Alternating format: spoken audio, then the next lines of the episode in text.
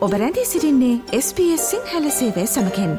වැඩිතුර තොරතුර දැනැනීමට පිවිසන්න ps.com.ta/ Sinhala වෙපඩවයට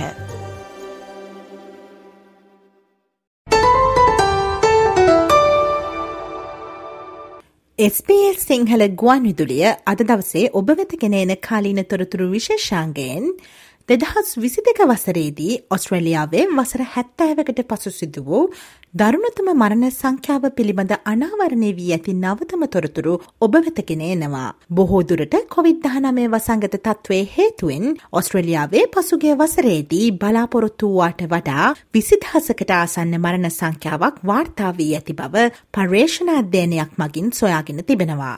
එම මරණ සංඛ්‍යාව වසර හැත්තෑවකට වැඩි කාලයකට පසුව එනම් දෙවන ලෝක යුද සමයෙන් පසුව ඔස්ට්‍රේලියාවේ වාර්තා වූ ඉහළම මරණ සංඛ්‍යාව වනවා. අද SBS සිංහල ගුවන්විදුලියේ කාලින තොරතුරු විශේෂාංකයෙන් මේ පිළිබඳව වැඩිදුර තොරතුරු ඔබ වෙතගෙනීමට අප සූදානම්. කොවිඩ් වසංගතයට පෙර ඔස්ට්‍රේලියාවේ අතිරික්ත මරණ සඳහා වාර්තා වූයේ රිනාගයක්. එයින් අදහස් කරන්නේ අපේක්ෂිත මට්ටමට හෝ මූලික මට්ටමට වඩා මරණ කිසිවක් රට තුළ සිදුවී නොමැති බවයි. දෙදහස් විසි දෙක වසරේදී ඔස්ට්‍රලියාව තුළ බලාපොරොත්තු වූවාට වඩා විසිදහසකට ආසන්න මරණ සංඛ්‍යාවක් වාර්තාවී තිබෙනවා. එමාගය අතිරික්ත මරණ සංඛ්‍යාවේ සයට දොළහක වැඩිවීමක්. එය දෙවන ලෝක යුද්ධ සමයෙන් පසු ඔස්ට්‍රලියාවේ වාර්තා වූ ඉහළම මරණ සංඛ්‍යාව වනවා. මෙම තොරතුරු අනාවරණය වී තිබෙන්නේ ඔස්ට්‍රලයානු සංඛ්‍යාලේඛන කාරංශයේ ඇක්චුවරීස් නම් ආයතනය විසින් සිදු කරන ලද විශ්ලේෂණයකට අනුවයි. එම අතිරේක මරණ විසි දහසෙන් අඩකට පමණ එනම් දහදහස් තුන්සීයක් වූ මරණවලට හේතුව කොවිඩ්රෝගය වන බව එම ආයතනයේ කරෙන් කට පවසනවා. අතිරික්ත මරණවලින් සියට පහළවක් දෙනා මිය යන අවස්ථාවේ කොවිඩ් රෝගය වැළඳි සිටි නමුත් එම මරණවලට මූලික හේතුව කොවිඩ් නොවන බවටයි සඳහන් වන්නේ. අතිරික්ත මරණ විසිදහසින් සියට තිහක පමණ කොවිඩ් රෝගය වැළඳ සිටි බවට මරණ සහතිකයේ සඳහන් වන්නේ නැහැ. So where COVID was the underlying cause of death, around another 15% or so of those deaths are ones where people had COVID at the time of death, and COVID was a contributing cause to their death, but it wasn't the primary cause. And then we have another around 30% of third of those 20,000 deaths where there was no COVID recorded on the death certificate. සියලුම වයස්කාණ්ඩ අතර සහ සියලුම ප්‍රාන්ත හා territory පුරා සිටින ඔස්ට්‍රලයානුවන් අතර මෙම මරණ සංඛ්‍යාවේ ඉහළයාම පිළිබිබු වනවා. හෘදරෝග මස්තිෂ්ක වාහිනී රෝග සහ දියවැඩියාව හේතුවෙන් සිදු වූ මරණ සංඛ්‍යාවද අපේක්ෂා කළ ප්‍රමාණයට වඩා සයට අටත් දාහතත් අතර ප්‍රමාණයකින් වැඩිවී ඇති බවයි දක්නට ලැබෙන්නේ. මරණයට හේතුව ලෙස දක්වා ඇති මෙම රෝගී තත්ව තුන කොවිඩ් රෝගය හා සම්බන්ධ වන බව කට මහත්මිය පෙන්වා දෙනවා. මෙම දත්ත මගින් කොවිඩ් රෝගයෙහි බලපෑම මරණවලින් ඔබ්බට ගිය තත්ත්වයක් වන බවත් එමගින් විවිධ සෞඛ්‍ය තත්ත්වයන් කීපයක් ඇති පුද්ගලයින්ට ඒවා කළමනාකරණය කිරීමේ ගැටලු ඇතිවීම දක්වා එහි බලපෑම පැහැදිලි වන බවත් University of South Australiaහි මහාචාර්යවරයකු වන වසංගත රෝග විද්‍යාඥ ඒඩ්‍රියන් එස්ටමන් පවසනවා. කොවිඩ් සඳහා කිසිදු රෝග ලක්ෂණයක් නොමැති පුද්ගලයින්ට එනම් ආසාධිත පුද්ගලයින්ගෙන් සියයට දහයකට දිගුකාලීන සෞඛ්‍ය ගැටලු ඇතිවන බවට ප්‍රබල සාක්ෂි ලැබී තිබෙනවා. එමගින් සෞඛ්‍ය පද්ධතියට මහත් පීඩනයක් එක්කෙරෙන අතර මෙම පුද්ගලයින්ගේ සෑම ඉන්ද්‍රියයක් කෙරෙහිම එය ප්‍රබල ලෙස බලපානු ලබනවා. කොවිඩ් මගින් ඩිමෙන්ශයා අවධානම වැඩි කරන බවත් එය හෘදයාබාධ ඇතිවීමේ අවධානම විශාල ලෙස වැඩි කරන බවත් එමෙන්ම තවත් බොහෝ සංකූලතා ඇති කරන බවත් මහාචාර්යවරයා වැඩිදුරටත් පවසනවා. We know, and this is reasonably hard evidence now, that 10% of infected people, this includes people without any symptoms at all, end up with long term health problems.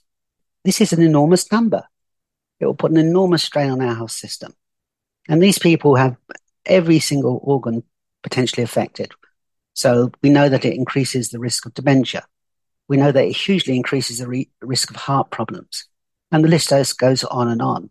අනාගතයේදී සිදුවන අතිරික්ත මරණ සංඛ්‍යාව අඩු කිරීම සඳහා ප්‍රජාව තුළ කොවිඩ් රෝගය සහ දිගුකාලීන කොවිඩ් රෝගය ඇතිවීම සීමා කිරීම සඳහා වඩාත් ක්‍රියාශීලී ප්‍රවේශයක් අවශ්‍ය වනු ඇතැයි ඔහු පවසනවා. වැඩිහිටි පුද්ගලයින්ට කොවිඩ් රෝගයෙන් ආරක්ෂාවීමට නම් ගුණාත්මක මුහුණු ආවරණයක් නිසි ලෙස පැළඳීම කොවිඩ්ඩෙන්න්නත් සියල්ල ලබා ගැනීම රජය අවවාදය වුවත් වයස්කත පුද්ගලයෙන් මෙම අවවාද පිළි නොපතින බවක් දක්නට ඇතැයි මහාචාර්යවරයා වැඩිදුරටත් පවසනවා.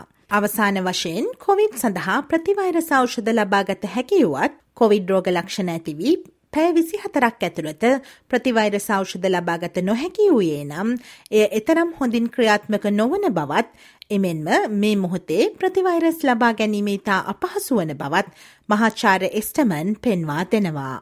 A lot of elderly people are still wandering around without face masks. You go to any supermarket and you see that. There has to be a, a huge push by the government to persuade elderly people to protect themselves when they go out and wear a good quality face mask and wear it properly. Uh, the second thing is that we, we got a, a, lot of elderly people who still been, haven't been fully vaccinated. It's absolutely crucial that they're totally up to date with their vaccination. And then the final thing is antivirals. We now know that unless you can get an antiviral into someone within 24 hours of symptoms, it's not going to work very well. But at the moment, it's very difficult to actually get antivirals. මෙම අතිරික්ත මරණ සංඛ්‍යාව මගින් ඕස්ට්‍රලියාවේ ජනගහනයට විශාල පරිමාණයේ බලපෑමක් එල්ලවන අතර ඔස්ට්‍රලයානුවන්ගේ ආයු අපේක්ෂාව සඳහාදය බලපාන බව මෙල්බර්න්හි බර්නෙට ආයතනයේ බෝවන රෝග පිළිබඳ පර්යේෂකවරයෙක් වන මහාචාර්ය බ්‍රෙන්ටන් ක්‍රැප් පවසනවා.